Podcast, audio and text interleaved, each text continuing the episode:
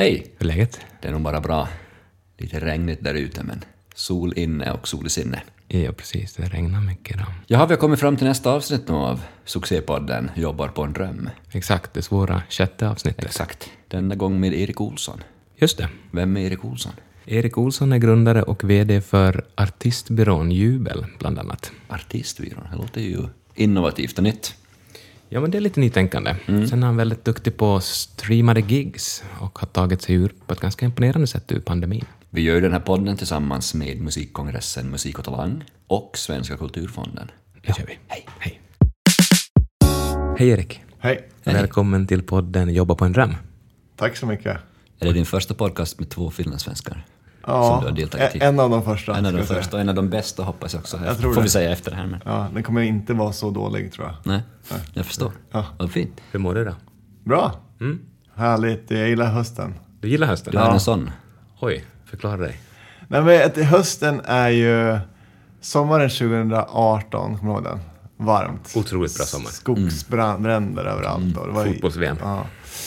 I, fram till typ oktober så var det så otroligt låg kreativitetsnivå. Det kom så otroligt få artister till oss som sa att hej, vi har gjort en grej, vi har en idé, vi har kommit på någonting. Och där tror jag, liksom, den här kylan och regnet, även om vi kan svära över den, så tror jag att det är här som föder våra kreativa yrken och musik och tech och allt. Innovation. För då kommer man in i, i, kryper man in i gruvan och Jo. kommer på saker och fattar. hjärnan blir lite friskare än en högsommardag när man bara vill dricka sangria. Mm. Jag älskar sangria, men absolut, jag hör dig. Jag hör dig. Nej, men det ligger något i det, tänker jag, i kreativitet i Norden, att det är väldigt styrt av årstiderna. Ja, Och mörkret kanske då. kallt och sen såklart att vi har det, har det bra. Välställt. Att vi mår bra i, i, i de flesta länder, var Ja. Finland mår bäst Tydligen. enligt statistik. Statistiskt sett, ja. Ja, vi ska snacka lite om kreativitet och drömmar såklart, men kanske framför allt med dig om Jubel och alla sådana bolag som du driver. Men vi vill gärna börja med fem snabba frågor. Yes. kommer igång lite. Spännande. Namn? Erik Olsson. Ålder? 34 på nästan, snart. Oj, spännande. Bor i? Eh, Trångsund söder om Stockholm. Yrke? V- VD är väl yrke. Mm. Favorit gitarrsolo? Oh, favoritgitarrsolo. Bra fråga alltså. Ett specifikt låtsolo eller? Helst. Alltså jag, jag var ju, när jag var gitarrist och yngre så, så, så här, uh, Jimi Hendrix eh, Woodstock-inspelningar. Vad trevligt. Tyckte jag var jävligt lattjo. Söndagen, får man lite ångest över att han, han spelar ju på söndagen Ja. på Woodstock. Ja. Ja, ja, jag får. Nu ska jag inte avbryta ditt, ditt svar, men jag, jag, jag har fått lite söndagsångest när jag tänker på det, för festen är ju över på, när han spelar på Woodstock. Att det är lite bakisstämning. Ja, exakt. Ja, men han får ju ändå upp något Ja, verkligen, det är ju där. fin spelning. Och jag, jag kan inte välja något solo. Men jag tycker hela den, hela den giget är ett solo, typ. Mm. Bra kläder, han har såna fjäder Ja. kläder på sig. Mm. Trevligt. Okej, fredag, vad har du gjort på jobbet idag då? Idag har vi faktiskt haft eh, något så ovanligt som städdag, eller förmiddag. Eh, så vi hade två timmar där vi alla, samtliga, röjde i rummet vi sitter nu. Vi fick igång, Okej. vi har haft ett par Genelec-högtalare som vi har eh, köpt av, eh, av Emil Pettersson för, för ett tag sedan. Som har det. stått eh, i ett hörn eh, som vi satt, tog tag i och vi har rensat i alla förråd och gömmor och, och sådär. Eh, så det gjorde vi förmiddag och sen så har jag haft eh, styrelsemöte med eh, Dramatics som är ett annat bolag som jag är med och driver, eh, digitala gig. Eh, hade strategimöte med ett band som vi jobbar med. Och sen så hade vi en lite snabb styrgruppsavstämning precis innan det här. Så en Oj. blandning av corporate och hands-on städning. Ja, Och allt ja exakt. Ja. Och lite artistutvecklingsstrategi. Mm. Vi funderar, ska vi ta det från början ändå? Uh, hur började allt för dig? Hur jag kom in i musik eller? Ja. Eller var växte du upp och sen hur kom du in i musiken? Mm, växte upp i Njutånger som ligger söder om Hudiksvall, Hälsingland, tre timmar från Stockholm. Växte upp en, eh, med en far som spelade mycket musik. Han var så här hobby-trubadur. Han var, han var framförallt VD på ett bolag, eh, inom ett finskt bolag faktiskt. Jaha, Eh, där ser man. mm, men inom malt, eh, som man gör till öl. Oj. Men sen så var han också hobby, hobbytrubadur och eh, giggade på alla privata fester och företagsfester och sådär. Han bokade blev- in sig själv, eller? Vad sa du? Han bokade in sig själv på... Ja, men lite så.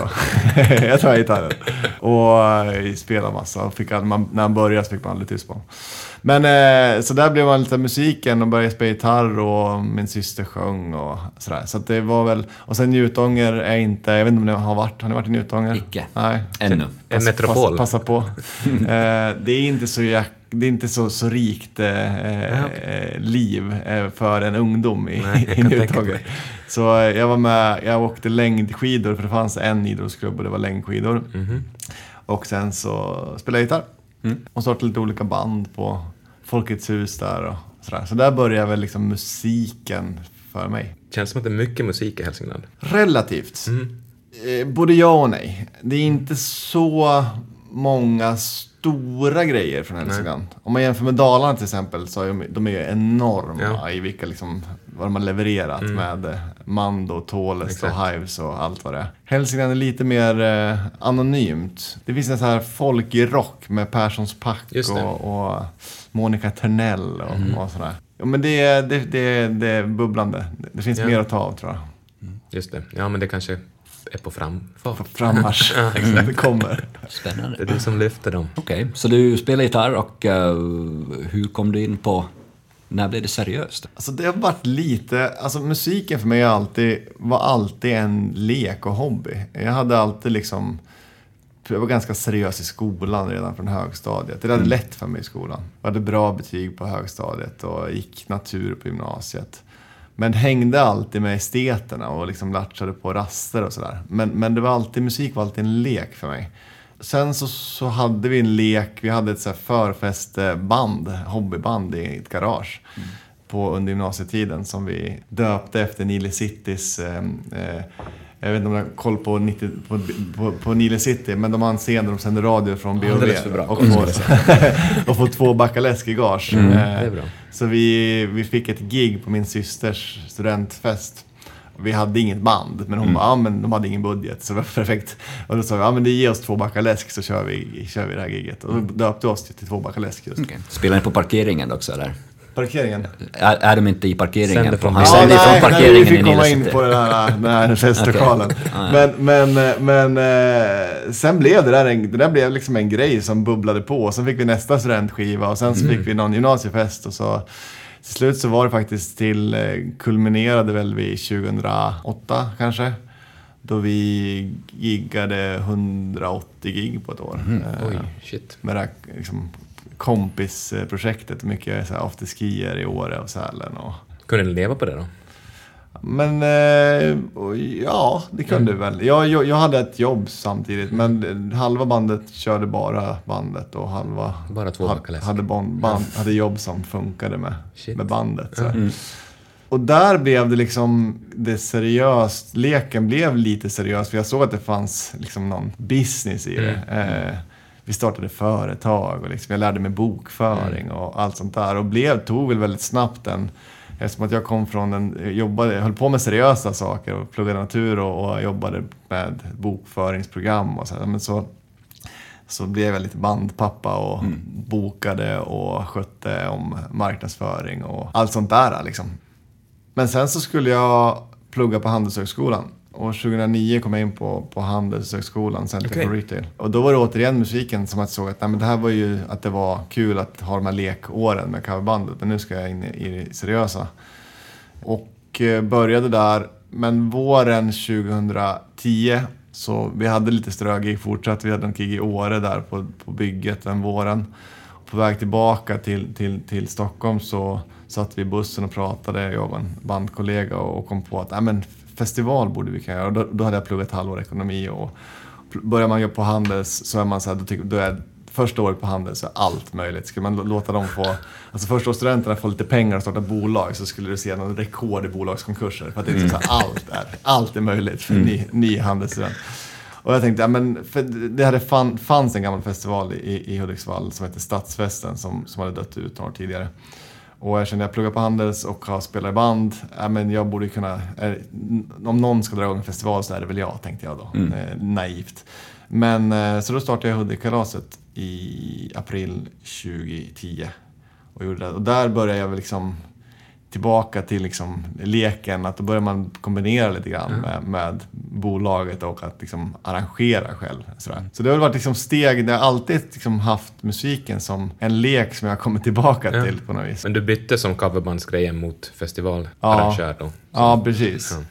Och sen hade jag tre år kandidat, min, min ekonomikandidat, där jag gjorde, jag pendlade liksom med festival sommar, det var mitt sommarjobb i festival. Eh, Festival, handel, så jag satt liksom och körde, och det var verkligen one man show, jag körde liksom runt hela nätterna, runt om i Hälsingland, körde upp affischer och liksom körde alla, hela racet. På allt från produktion och sponsring och hela den grejen, vilket också var jäkligt lärorikt att lära sig den liksom större branschens uppbyggnad. Jag kommer ihåg jag, jag eh, började, när jag startade Hudikkalaset 2010 så skulle jag boka, vi hade spelat med Anna Bergendahl och hon hade precis vunnit Melodifestivalen då när vi åkte hem från Åre från bygget. När vi var på bygget såg vi henne vinna Melodifestivalen. Och jag tänkte shit, det här, jag känner en person som är känd. det här borde jag kunna liksom, det är startskottet till min festival.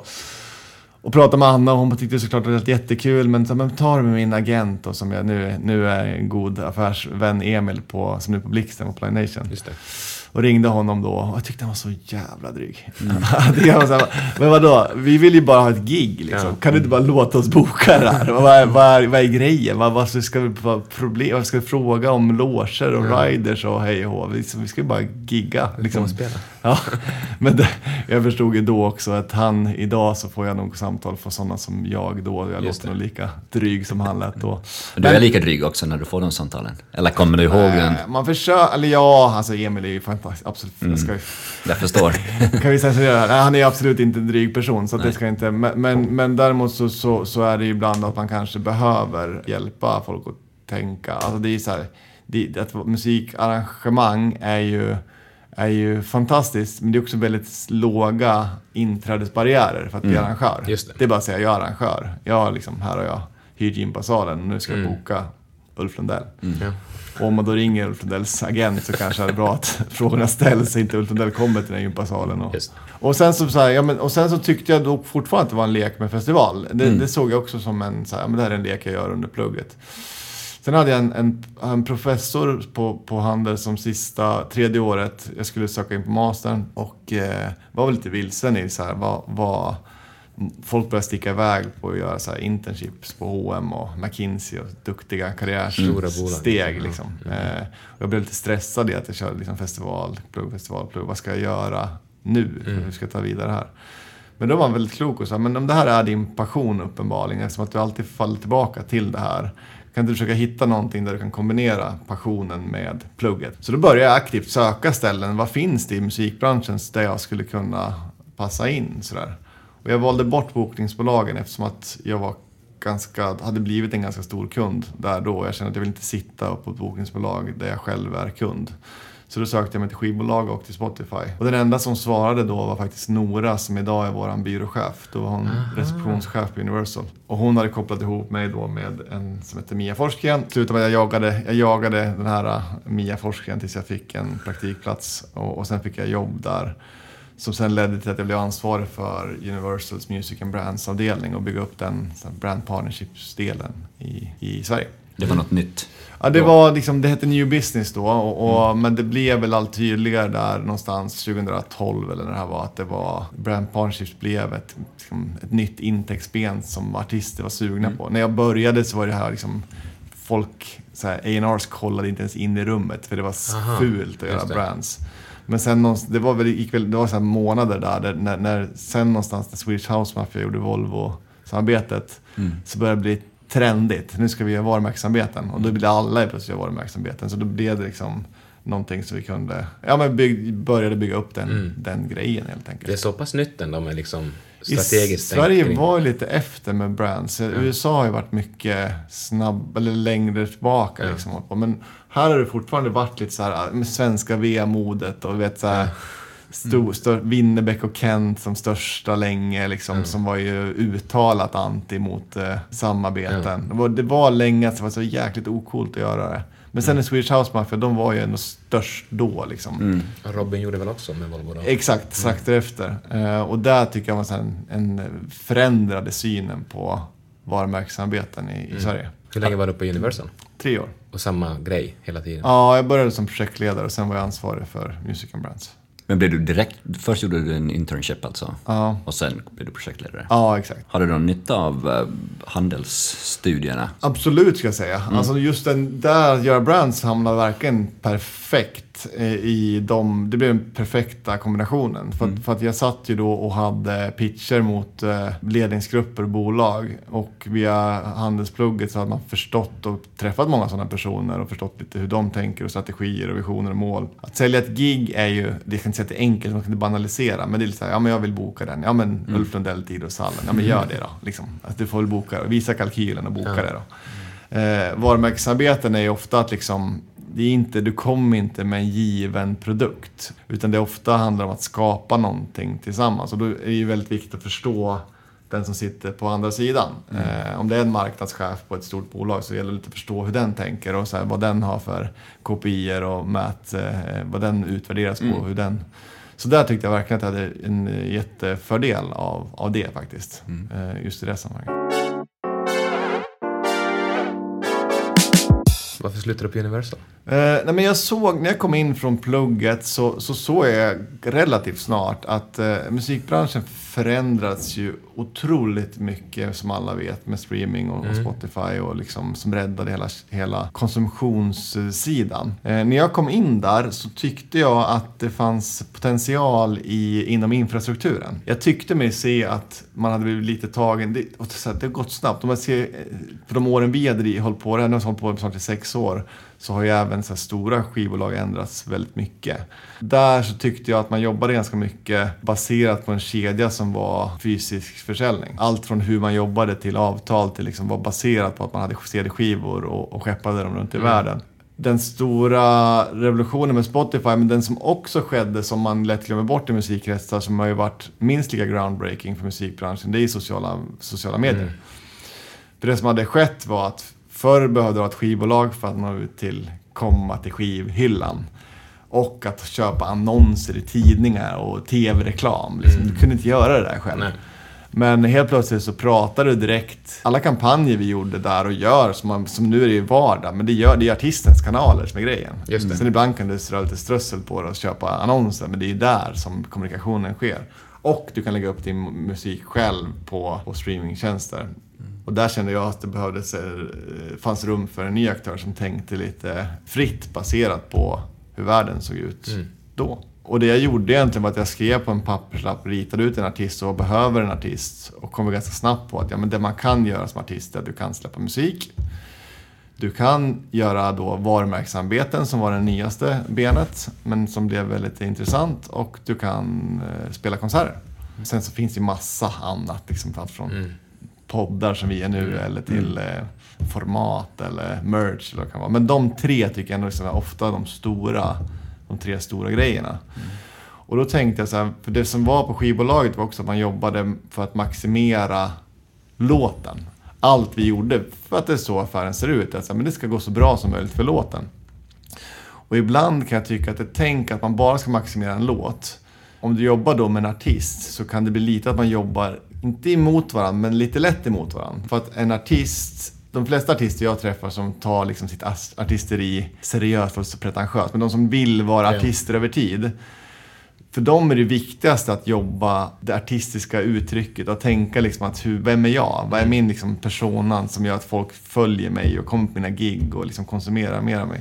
Eh, tänker man då för mycket att nu ska jag träffa den här liksom, låten, då kan det flaxa runt rätt mycket. För låtar är ju trend, som vi vet, det är ju trender. Liksom. Nu, ja men så här, om det, inte vet jag om det är svensk pop och hiphop, gangsterrap som är grejen nu. Ja men, ta Ulf Lundell vi börjar där. Skulle så här, Ulf Lundell börja göra svensk proddad pop och gangsterrap så tror jag att många av hans gamla gubbfans skulle börja liksom, vad håller, håller du på med?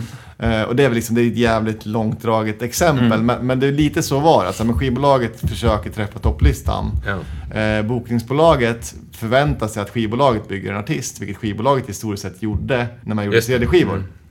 För att när du gjorde CD-skivor så handlar det om att bli igenkänd i hyllan. Och då ville du ha ett ansikte som folk valde en CD-skiva från. Nu gjorde man, skapade man låtar och det gjorde att liksom artistutveckling föll lite mellan stolarna. Och då poppar det upp massa svenska managements och det, ju, det kommer ju säkert också behövas. Jag, jag bara, det dök upp som väldigt många så jag såg att det behovet av någon som jobbar med artistvarumärket var väldigt starkt. Så därför sa jag upp mig och eh, utan pengar och utan klienter tänkte jag att det här måste jag göra någonting av. Och det blev jubel. Det blev jubel. Så 2015 slutade det så började jag 16. 16, Mm. okej. Började du själv eller var ni, det var din idé från början till början? Och Ja, jag började själv. Och vi hade liksom inte... Jag hade lite sparkapital som jag kunde leva på i någon månad liksom. Men, Känns som det har gått väldigt fort för er. Alltså framåt liksom. mm, Har det varit en jobbig resa? jobbig och svinkul, ska Ja. jag säga. Det är så här, skulle jag, skulle jag få chansen att få det ogjort skulle jag inte göra, ta den. Nej. Men skulle jag få chansen att göra om det skulle jag inte ta den heller. Okej. Eller så.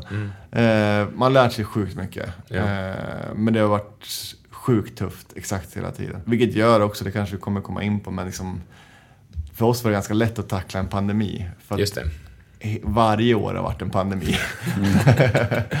så. Ja. Eh, Man har blivit van vid att det har varit liksom, att bygga upp bolag utan att, jag har inte haft något kapital mer än det, de pengar jag hade sparat från början. Liksom. Så vi har alltid varit tvungna att dra in stålarna. Sådär. Mm. Vilket jag också är glad att vi har gjort, men det, har, det för ju med sig, det kan ju vara tufft ibland. Nu idag är det ganska mycket större än vad det var då, 2016. Ja. Så vilk, om du beskriver bolaget, vad är det för typ av ben ni står på? Hur funkar allting hos er? Ja, men det, grunden är ju då på de, det jag skissade på min papperslapp, Brand Partnerships Live och eh, Release. Där vi har egentligen satt en approach. Jag, jag fick väldigt snabbt när jag, när jag sa upp mig på Universal lite draghjälp av att jag blev, fick äran att bli frågad och bli manager först för Daniel Adams Ray eh, och sen för, för Sofia Karlsson. Och jag hade inte haft någon ambition om att vara manager, men jag kände att i min liksom, idé och, och hitta affärsidén så tänkte jag, men vad, vad spännande. Nu har jag två liksom, faktiska case här att lära mig av.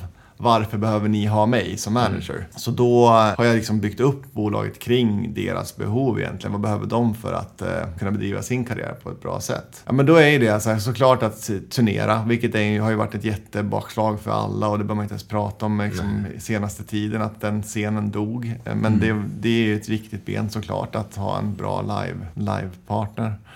Och att släppa musik. Och det vi valde att göra på musiksidan var att vi tog en an, liten annorlunda approach mot skivbolagen.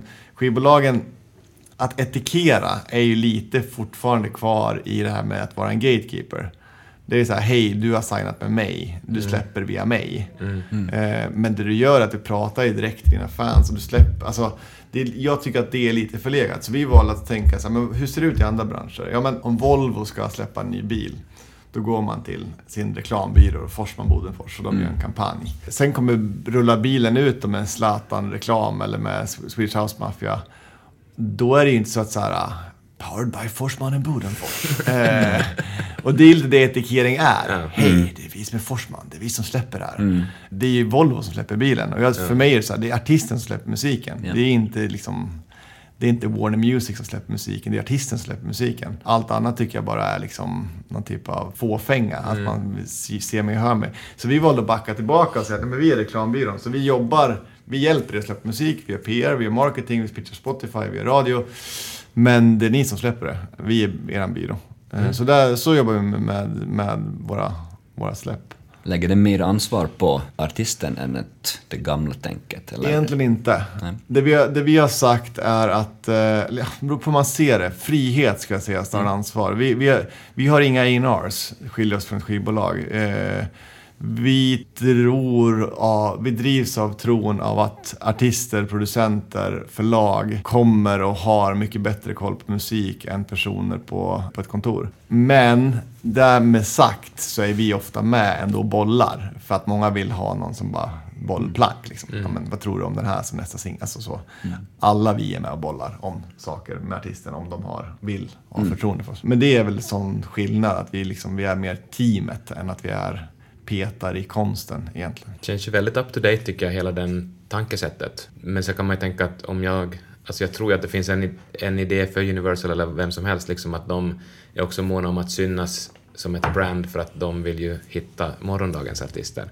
Så du är inte orolig för att jubel ska inte synas tillräckligt mycket? Jag vill ändå tro, och det kanske är att man är från, från, från Njutånger, men, men att, man, att här, om vi jobbar bra så kommer det slå allt. Liksom, Om vi är ett bra team för folk.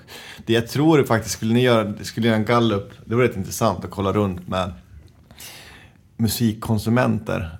Vad, vilka varumärken du förknippar med musik idag. Jag tror ju inte att så många förknippar majorbolagen med musik om du inte är i musikbranschen. Utan de skulle nog snarare säga Spotify eller Apple Music. Och, och eh, det där, därför tror jag att det inte är så... Jag känner mig rätt orädd för, för den. Även om det ibland såklart hade kunnat varit en alltså, en liten enkel marknadskanal att synas på artisters Spotify-sidor för Ja. de som forskar runt. Men jag tänker ändå de som, de som vet, de vet. Mm. På något vis. Vad är bäst business av de här delarna ni har? Bara av nyfikenhet. Så sen förstår jag att det är alltid en helhet. Ja, Såklart. företagsevent. Det är inte alls någon man pratar om Nej. alls, men, men det har väl varit liksom det vi har gjort är att vi eh, har inte haft något, eh, några externa finansiärer. Eh, men vi har byggt upp en brand experience-byrå parallellt där vi Mm. gör företagsjobb och hjälper bolag med event och så vidare. Det har väl liksom gjort, genererat en uppsida genom åren som har kunnat Mm. investeras i artistdelen. Så det är ert daytime job. Ja, men några i alla fall. Och, och, och några, inklusive jag, kan ibland springa iväg och göra. Har, har sprungit, jag gör inte så, så, så ofta alls längre. Men förr har vi sprungit iväg och gjort så större, producerat större evenemang och fått in till mat på bordet. Som Men- möjliggör andra grejer kanske. Ja, exakt. Sen så svar, svar på bis, vad business är för artistbyrån, vad är bäst business? Så vår bästa business är en framgångsrik artist. Och, och, och med det sagt så, att vi jobbar med helheten gör ju att en, en framgångsrik artist för oss kan vara en helt annan än vad en framgångsrik artist är för ett majorbolag. Vi har idag liksom, ja men, vissa artister som kanske man inte ens har en illusion om att man ska bli rik på, på utgivningssidan. Men där det ändå är en vinning för oss att göra bra släpp för att få igång livebenet ännu mer. Där tänker jag det, det gäller väl ganska mycket artister, eller många artister, att de behöver vara relevanta genom att släppa musik för att få spela. Exakt. Till exempel Atomic Swing som jag vet att du jobbar med och Emil. och Exakt. sådär. Att de, det är ju klart att folk vill höra ny musik från dem, men framförallt vill ju folk höra dem live. Exakt. Så då behöver de ju släppa. Exakt. Det kanske att- mer som ett visitkort liksom. Ja men det blir ju så. Och, och jag tror att det kommer att vara ganska många sådana artister som har musiken som sitt liksom... Att vara en artist är att du är, liksom, du är en person som folk följer som ett större, ett större jag. Alltså, du, du, är så här, du har gjort någonting så bra så folk vill liksom följa dig i sociala kanaler och vill konsumera av dig. Du kan ha varit i idrott eller du kan ha varit en bra kock eller det kan vara en massa andra saker också än musik. Men jag tror att för många så kommer musiken vara liksom det som gör att det blir ett större jag. Sen så kommer bli mycket viktigare framåt också hur du jobbar med ditt större jag. Ja. Eh, Hur du jobbar med liksom poddar eller koncept eller varumärkessamarbeten eller turnéer eller vad än du är du Ja. vill liksom få ut. Så. Men musiken blir ändå, varför är du varför är du ett större jag? Ja men det är för att du håller på med musik. Eller idrottsman. Eller idrottsman. Jag tycker idrottsmän, så här, Jon Olsson, gamla skidåkaren, tycker jag är ett sånt bra exempel på en person som man nästan har glömt att han åkte skidor. Men det var ju Mm. det som berättigade och som startade alltihop, att han var bäst i världen på, på att hoppa med skidor. Och idag har han liksom en av Sveriges största YouTube-kanaler och, och lever mycket på, liksom, lever på sitt större jag. Mm. Innan vi släpper Atomic Swing får vi väl säga, det var en fantastisk reklamplacering. Atomic Swing när man växte upp. Billys pizza. Ja, Kommer ni ihåg det? Ja just det, exakt. Jag Ja, hoppas att ni kan styra upp något liknande Ja. med dem alltså. ja, ja. Det var bara en parentes. Men ja för ringa fick- familjen Dafgård så kolla han ska Exakt. revival. Exakt, det är fint. Kör en reklam. Ja men precis, revival på reklamen. Ja, det är faktiskt inte dumt. Nej, det är en bra idé. Ja, det är grym. Grym låt och Ja. Men ska vi ta avstamp i pandemin eller? det kul. kan vi ta. Vad hände? 20, alltså vi, vi startade, började 2016 eh, och sen så växte vi alldeles för snabbt 17, 18 och vi var, eh, jag vet jag fick mitt första barn 2017 eh, och var lite pappaledig hösten 18. 19 kom tillbaka och kände att shit, vad har, vart är vi på väg? Vi hade tagit oss an alldeles för mycket saker och det var alldeles för kul med nya projekt så vi sa aldrig stopp. Vi bara tog in, tog in, tog in. Tappade lite leveransen och tappade lite fokus. Var i ett väldigt skört läge faktiskt. Och, men hade hela 19, så när, när jag liksom, ja, men där kom, var tillbaka så, var fokus på att men nu ska vi återta en position. För vi hade, vi blev liksom den intressanta nykomlingen 17-18 som ah, de har ett nytt sätt att släppa musik och de kan prata med Spotify. Och så här, plötsligt började så här, jobben blev fler, jobben blev större och bara, till slut så räckte vi inte till. Vi hade liksom, tog in projektledare och hade sex klienter till den redan när den började. Dag ett och bara här har du de här, jobba med de här. Mm. Liksom allt var liksom ett steg. Men, och att starta utan pengar, det blir, man måste liksom, vi var tvungna att göra så. Mm. Men, men, men, men det var kanske inte optimalt. Så 19 var året där jag sa, nu ska vi ta oss tillbaka för nästa steg. Och eh, jobbade väldigt mycket internt med strukturer, med personalen. Vi tog aktivt bort ganska många projekt och minskade ner, färre med värre. Vi fick en jättesuccé med Mares och Sunnavind det året som var mest spelad låten på Sveriges Radio. Och gick in i 2020 med väldigt hög svansföring och med ett väldigt vasst team och hade tagit tillbaka liksom, ryktet om bolaget på att vi kunde leverera med de saker vi, vi tar oss an. Vi hade så otroligt mycket mål på helår, på halvår, på månad, per person. På bo alltså, det fanns så tydligt, allt var så klockrent. Och vi hade, vi hade målkonferens på Södra Teatern i Champagnebaren och Ja, men det, var, det kändes som att det skulle vara en, en, en homerun eh, det här året. Vi skulle släppa nya festivaler och det var nya artister. Men sen såklart, så här, det, och det man så blir ju typ det, det, mars 2020, det är man är trött att prata om det, men alla vet och det är så alla pandemier, alla drabbas, alla mm. vet vad som händer de här dagarna när allt, allt stod stilla. Och vi var, i det, vi var i ett utsatt läge för att, just för att vi inte har några lador med stålar att vila oss mot. Utan vi var tvungna att snabbt hitta en ny kurs. Jag hade inte råd att chansa på att pandemin skulle vara en förkylning, vilket många faktiskt gjorde. Eh, det är ganska kul att se att många Många livebolag flyttade ju liksom mars-turnéerna till april i början. Mm. Eh, nu kör vi igång.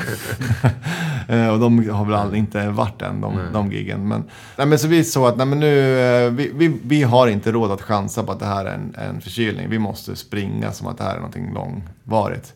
Så vi hade väl väldigt långa dygn där i början. Vi hade faktiskt börjat, innan svenska regleringarna, första regleringarna kom, så hade vi agerat redan med att börja resan mot vad som skulle komma skulle. Det vi gjorde var att först gjorde vi alla så många besparingar vi, vi, vi kunde. Men, och ett stort men, var att jag parallellt med det så bör, måste jag se vad är, vad har, vad, okej, okay, nu har vi byggt det här under fyra år. Vad har vi för värden att jobba med? Vad är vårt grundvärde?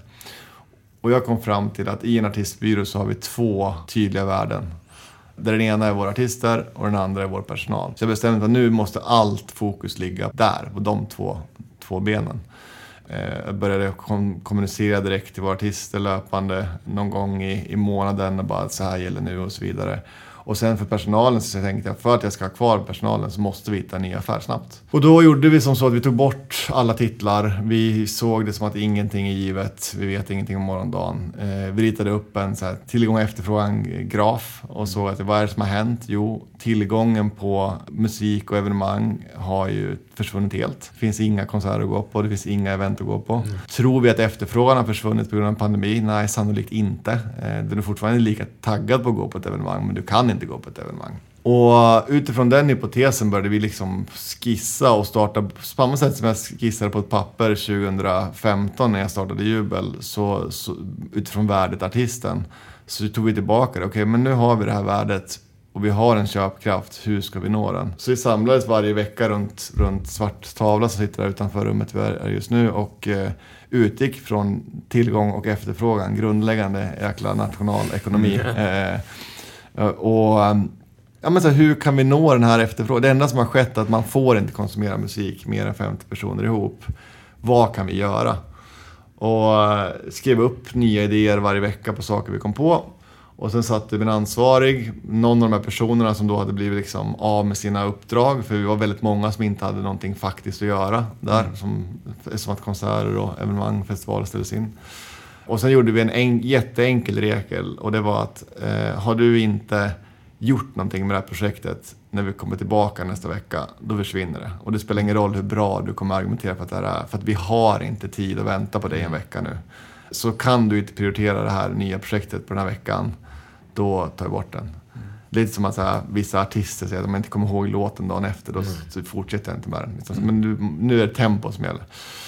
Och där dök det upp, så här, men vi är en digital festival som vi dök upp en måndag. Samma vecka på lördagen så gjorde vi första Låt Live Leva i Soundtree-studion. På liksom digitalisering så var det, den verkligen våran superstartskott. Från början så var det så här, men vi vill så här, ja, men, ta tillfället i akt och positionera oss som ett livebolag. Ja, men det är kul att göra en festival när allting stänger ner. Vi tänker, ja men digitalt, det gjordes massa så här dåliga livestreams. Kan man höja produktionsnivån lite grann så skulle det kunna sticka ut. Så vi fick ihop det där med otroligt kort varsel. Så vi började, bestämde oss för att köra på en onsdag och satte liksom namnet på torsdag och gick live på lördag klockan tre. Eh, och någonstans däremellan lärde vi oss hur, hur, man, hur man gör. Liksom. Jag vet att Emil Pettersson då på Soundtrade messade mig fredag eftermiddag. För jag hade av mig honom på onsdag. Bara, vi vill göra en festival. Fredag eftermiddag messade bara, blir det något imorgon eller? eller? Bara, ja, det blir, det blir, det blir. Jag lovar, det blir. Ehm, och, och så här, fredag till lördag, det dygnet så började jag hålla på att boka eh, jag och Sulecha höll på att boka artister, liksom panik. Äh, vad gör du imorgon? Och ingen hade någonting för sig, så alla kunde ju komma liksom. Och det som var kul där, det var tanken som liksom en one-off, för fort, eh, för fort och eh, fort och fel och bara lära oss att göra någonting. Men när vi sammanfattade siffrorna så insåg vi att vi hade haft 50 000 tittare unika på det här.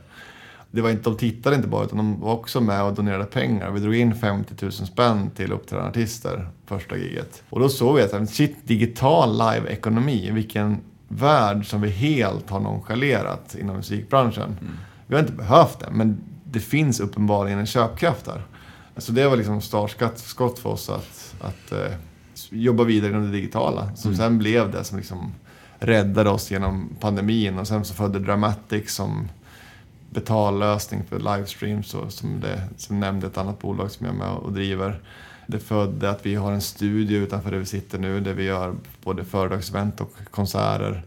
Jag tror jag har producerat någonstans 300 konserter och kanske 100-150 företagsevent sedan mars 2020. Känns ju som att du har väldigt eh, bra personal.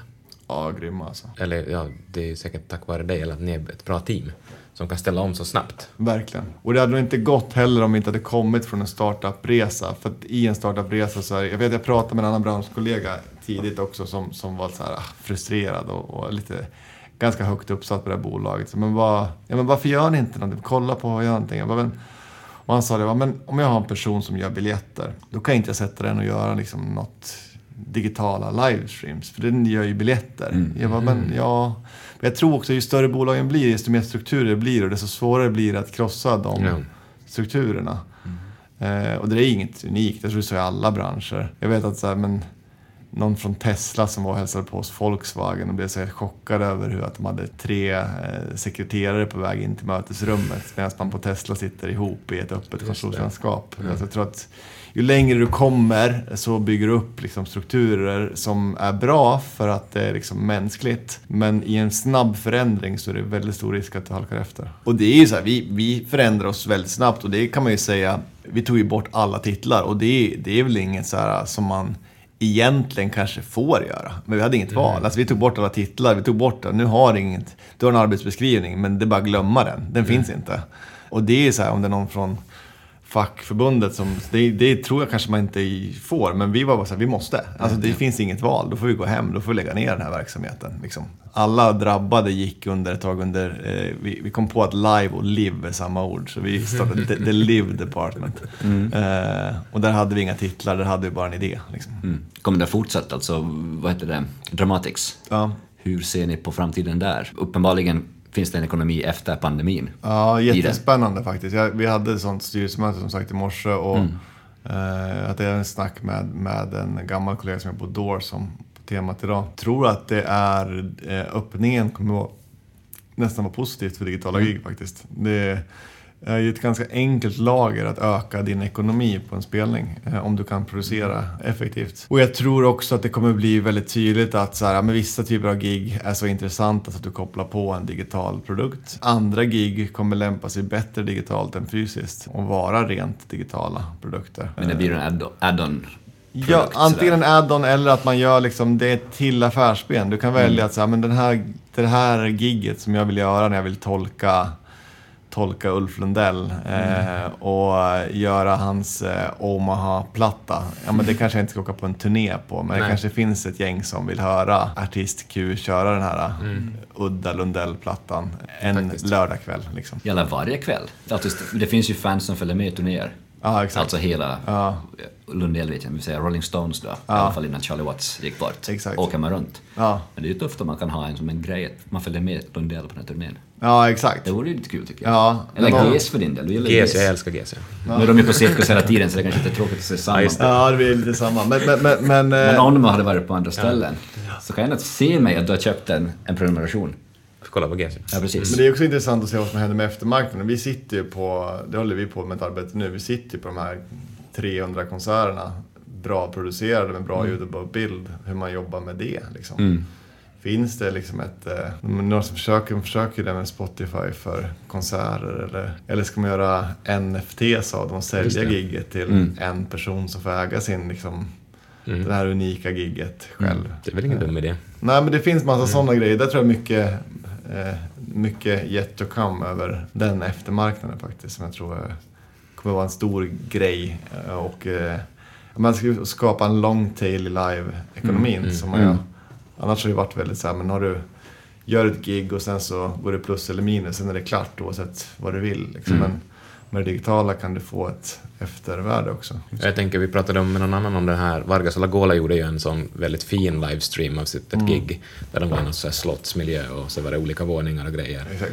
Eh, Och det känns som att det konceptet går ju inte ens att göra fysiskt live. Exakt. Så då blir det som ett värde i sig att det ligger filmat. Exakt, och jag tror också att det kommer komma en, en yngre generation artister som kommer liksom, ha det här naturligt i sig. Alltså, men, som kommer ha- börjat sin karriär med digitala gig som en naturlig del och kommer knäcka så här, men fasiken det här gör jag ju digitalt. Dessutom så kommer ju miljö, miljöfrågan som, som avlöser ju pandemin ganska perfekt egentligen med, med som nästa grej som kommer ju också kunna vara, nästa grej, den har alltid varit en stor grej, men, den blir väldigt aktuell och omdiskuterad nu. Det kommer ju också, tror jag, vara en eh, ny generation av världsartister som kommer ifrågasätta turnerande. Eh, varför ska jag sätta mig på ett plan och åka på min turné i Europa om jag är i USA eller vice versa? Ja. Och, och då kanske man istället fokuserar på att göra ett eh, massivt eh, digitalt gig på tredje månaden. Live från LA eller Stockholm. Eller? Hur kan man förstärka den här känslan då av... Alltså ibland räcker det med att man har ett rätt artist och man gör det välproducerat och högt produktionsvärde. Men kan man förstärka det? På, vad kan man göra mer? Om man tänker, Massor kan man göra. hur får man in svettlukten på Exakt. hemma? Om det är det man vill åt. Alltså du kan ju ha svett, du kan ju ha ett event. Alltså du kan ju faktiskt göra en liksom gemensamt arena-gig. Det är lite förvånande att inte DJs har gjort det här. Att inte DJs gjorde det under liksom DJ, nu DJ, det finns ju, men att det under super liksom glansdagarna. För det är ju så här, om du är på en, en, en DJ, eh, DJ-konsert eh, i en arena så ser ju liksom själva alltså personen är ju liksom sekundär. Det är ju ljuset och liksom mixarna och allt som, är, som är grejen. Den tanken vet jag hade då för tio år sedan. Alltså, men tänk om man skulle göra en super-DJ live i Stockholm, Berlin, New York samtidigt. Eh, Alltså liksom, du kodar in samma lj- ljusshow Ja. och mixar och liksom... Och, och, och det är inget som säger att, vi vet ju inte vad framtiden ser ut, men det kanske är att någon står och kör den digitala spelningen i LA och du har en arena, Friends Arena, samtidigt liksom. Tror de gjorde det med Tomorrowland, den Ja, festivalen? kanske det. Att de hade det live då i, säg att det är Amsterdam, jag vet inte Ja. vad det är. Och sen hade de streamat det samtidigt i Sao Paulo eller något sånt Ja. ställe. Och så var det folk där och kollade på någon big, stor Ja. bilds-tv, liksom, Ja. skärm. Så det finns ju oändliga möjligheter. Nej, men för- mycket av också sätter ju också krav på, på tittaren. Alltså hur man gör. Det kan ju vara skit, alltså om du kollar på en digital spelning och så bara tar upp till mobilen och kollar. Det, är, det kan ju vara hur tråkigt som helst. Men riggar i ordning hemma och har... eh, Jag vet, jag hade min, eh, min nu fyra, snart fyraåriga son som... eh, Vi hade några konserter med, med eh, finlandssvenska barnstjärnan Arne Alligator. Otroligt Eh, vad han är stor Sverige. Ja, det måste vara verkligen. Finlands största popstjärna. Ja, jag tror det. Sådär. Jag tror det. Men vi gjorde ett par digitala konserter med, med, med det. Och, eh, och då Tage, fyra år, var när han var två drygt på Arne Alligator live här på Fryshuset. Och han sa till mig, pappa, pappa, härom, härom veckan, när, ska vi, när ska vi gå på Arne Alligator igen? Jag bara, ja men vi får se då när han kommer tillbaka. Det var, kommer du ihåg? Det var ju länge sedan du var där. Bara, Nej, men det var inte så länge sedan. Men, men, jo, vi satt ju här i soffan och kollade. Så för honom var det också grejen att vi gick så här, nu ska vi gå på konsert klockan 15 är Arne Alligator här. Och så Jaha. kollar vi på TV. För honom blev den grejen lika stor som att gå på Fryshuset. Så mycket är ju också i tittarens ansvar. Att så här, hur förbereder vi? Vi såg ju i somras när vi körde Hudikkalaset digitalt så hade vi 18 000 strömmar. Det vill säga att vi hade då säkert 30 000 digitala tittare så att många kollade tillsammans. Och man följde sociala medier så såg man liksom storbildsskärmar och så vidare runt om i, och grillfester runt om i, i skogarna i Hälsingland. Och där blir det ju en rätt trevlig produkt. Liksom. Ja, som du säger, jag tänker att folk som växer upp nu då som Tage eller Ja. min son som är, som är åtta, att de lär ju sig ett annat beteendemönster och liksom, Exakt. de har ju ingen aning om att man ska gå på Debaser Medis och kolla på ett band. utan Nej, de exakt. Kanske, de kanske kan sitta i soffan lika bra. Ja, precis. För det är ju som vi, vi jag slogs av, jag slogs av, jag hade möte med någon som var lite gammal inom livebranschen och, och jag, som jag kom från skivbranschen tidigare som sa liksom ah, digitala gig, ja men du vet, men, men vi kommer alltid vilja känna doften av svett och basen i bröstet. Och så tänkte jag bara så här, shit vad jag känner igen det här snacket och så slog det mig att, ja men när man satt på skivbolag och pratade om tidigare, då var det så här, streaming, du vet. Vi kommer alltid vilja klämma, känna, känna doften av trycksvärta. Och så kan man relatera till det själv. Ja, men det är trevligt att dofta på ett CD-konvolut. men vi lyssnar ju ändå på Spotify. Liksom. Eh, så jag tror att det kan vara så här, man ska inte...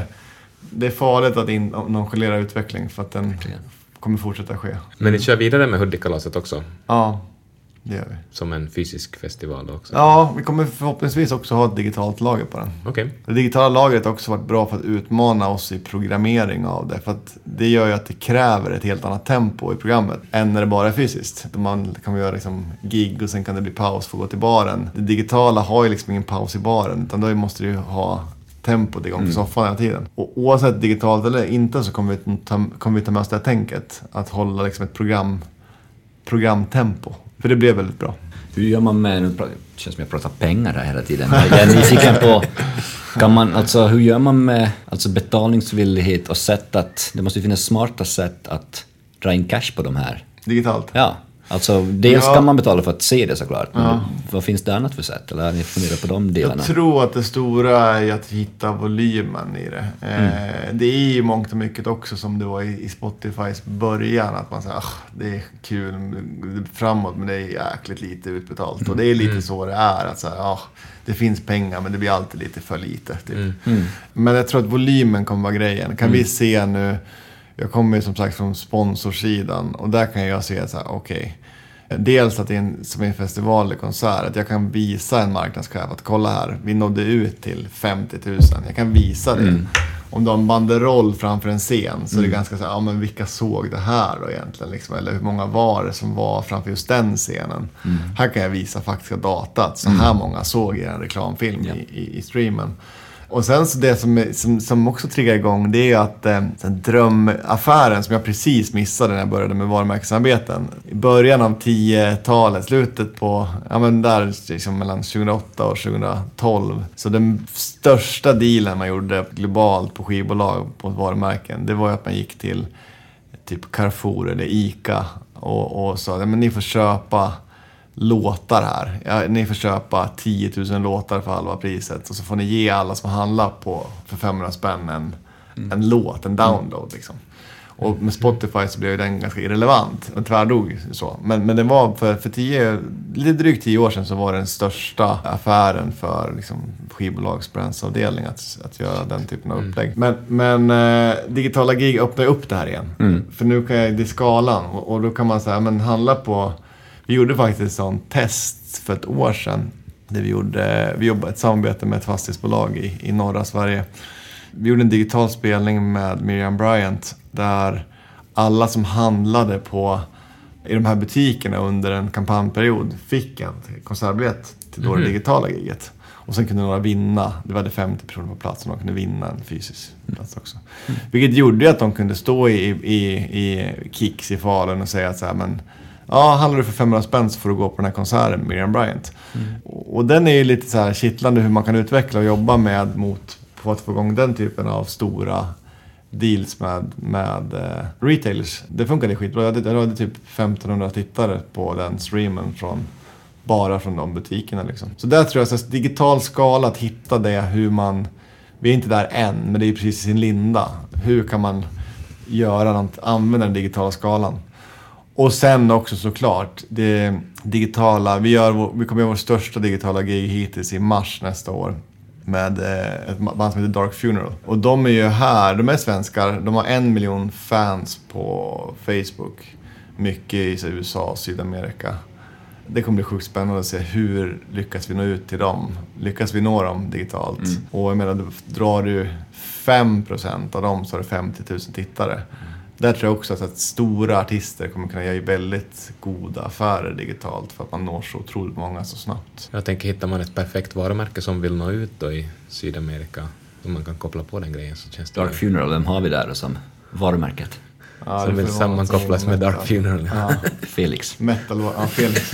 Billys kanske. Mm. Nya Smile-reklamen. Mm. Exakt. Okej, okay, men framåt då. Vad är största drömmen för Erik, för Jubel, för Dramatics? Vad, är, vad jobbar ni för? Ja, men vi har, vår mission med Jubel är att vi ska vara världens bästa artistbolag. Och, och det är ju så här svårmätt. Men vi vill ändå utmana oss själva att fortsätta vara, bli bättre hela tiden. Och inte bli liksom, komma till det att du vet, du kommer alltid vilja dofta på trycksvärtan mm. i konvoluten.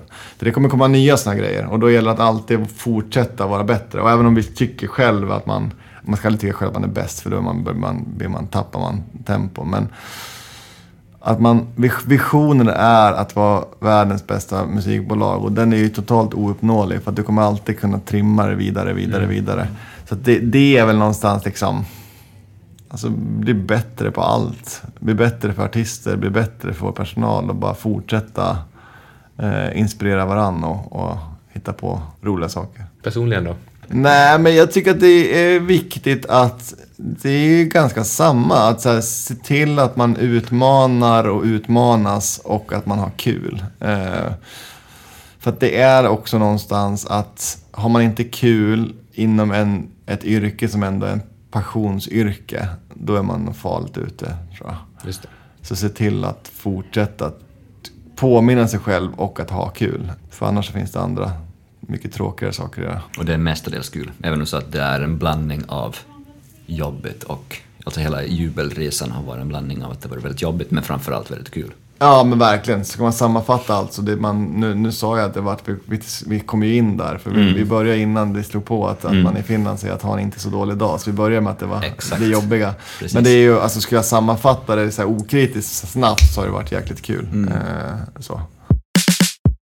Ska vi gå in på en liten tipsdel här för... Eh, ja, det är väl bra. Om man är artist, hur approachar man er? Vad letar ni efter? Vad är det som intresserar er när någon hör av sig? Och behöver man er och vad kan ni hjälpa till med? Vi pratar om event och vi har pratat mm. om eh, branding och eh, vad heter det, varumärkessamarbeten och, och utgivningar. Men vad går du igång på, på det kreativa planet och när, vad, vad, vad innebär det att du vill jobba med någon? Jag vill jobba med saker som känns, alltså saker som, som, som, som man känner och, och som, som känns och skaver lite grann. Eh, mm. och eh, sen så vill vi jobba med saker som vi går in i över ett läng en längre period. Eh, vi har som mål nu i höst att sätta för de liksom, artister vi jobbar med, ha mål och planer som sträcker sig in i 2023 mm.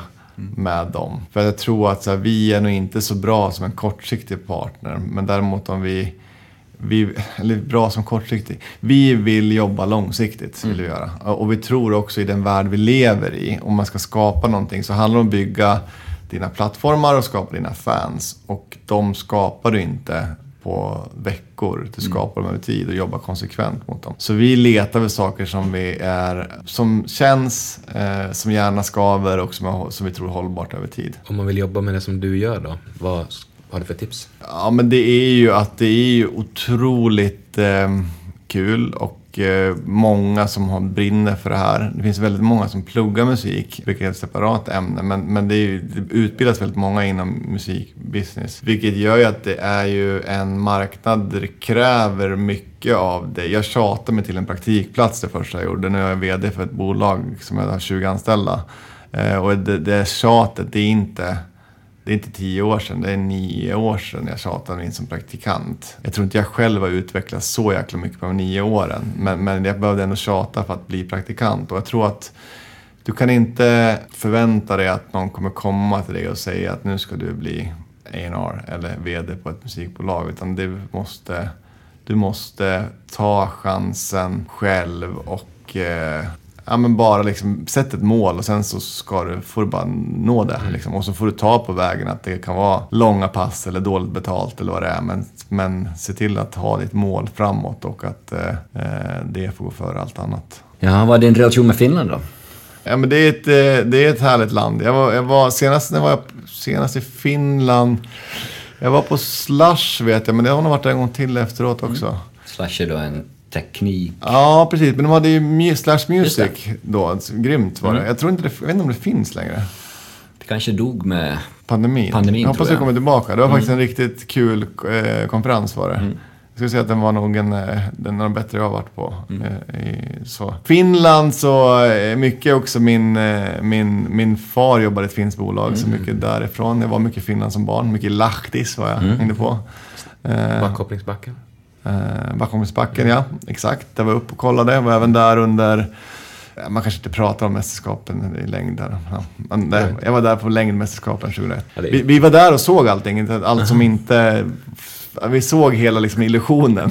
På bus, bussen därifrån var det presskonferens där vi såg Oj. att allt vi hade sett var, var en illusion. Så det var ju spännande. Men eh, det ska vi inte sluta relationen till Finland där. Nej. Världens lyckligaste folk, har vi konstaterat. Bara en sån grej.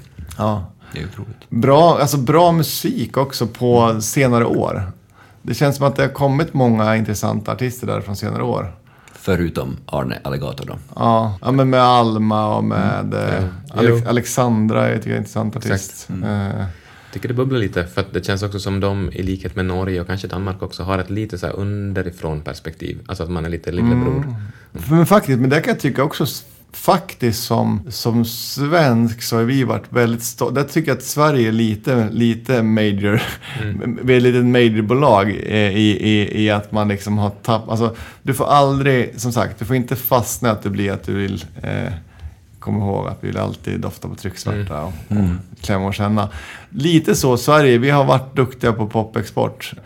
Om man ser vad våra nordiska grannländer håller på med idag, med de här som bubblar, så skulle jag faktiskt säga att vi är, kanske har en pallplats, kanske inte. Det är, jag tycker både Norge, Finland och kanske Danmark har mer intressanta internationell, artister med internationell potential för tillfället.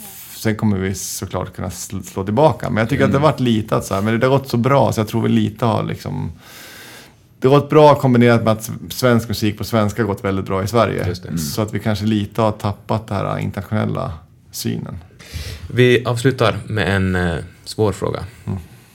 Skulle du hellre signa Britney Spears eller arrangera den första riktiga musikfestivalen på månen? Oj, wow. Du får själv välja vilken era av Britney Spears, men nu pratar Just vi... Idag eller var det Idag. Toxic-eran eller är det liksom Hit Me Baby One More Time? På ett sätt är det ju mer intressant idag. Men där, nu sätter jag orden. Kör du. Nej, men jag tycker alltså att signa Britney Spears, det är ju kittlande. Det känns ju otroligt starkt varumärke. Mm. Och väldigt mycket kul att göra där. En festival på månen, alltså svincool idé. Alltså det, alltså det är lite så här... Det kan vara på the dark side eller på the bright side of the moon. Ja, precis. Får välja själv där. Jag tror att jag skulle kunna få ganska snabbt en sponsor också eftersom att det är kampen om rymden mellan världens två rikaste män. Så man skulle kunna få med sig Just det. Elon eller Bezos. Bezos. Men vi gjorde en festival på en ö i Stockholms skärgård förra året. Och vi höll på, att- vi höll på att dö av projektet, bara att vara på en ö. eh, Alla transporter. Och månen känns lite som next level. Så jag, jag väljer nog faktiskt Britney där. Ja, ja, ja. Kan vara ett smart val tror jag. Ljudet färdas ju inte på månen heller så att... Kul. Man kommer på, man kommer på den detaljen när man är där. Ja, det var tur. Eh, tack för att du ville vara med och jobba på en Drömpodden. Tack, vad kul. Hej hej. Ha det bra. Hej.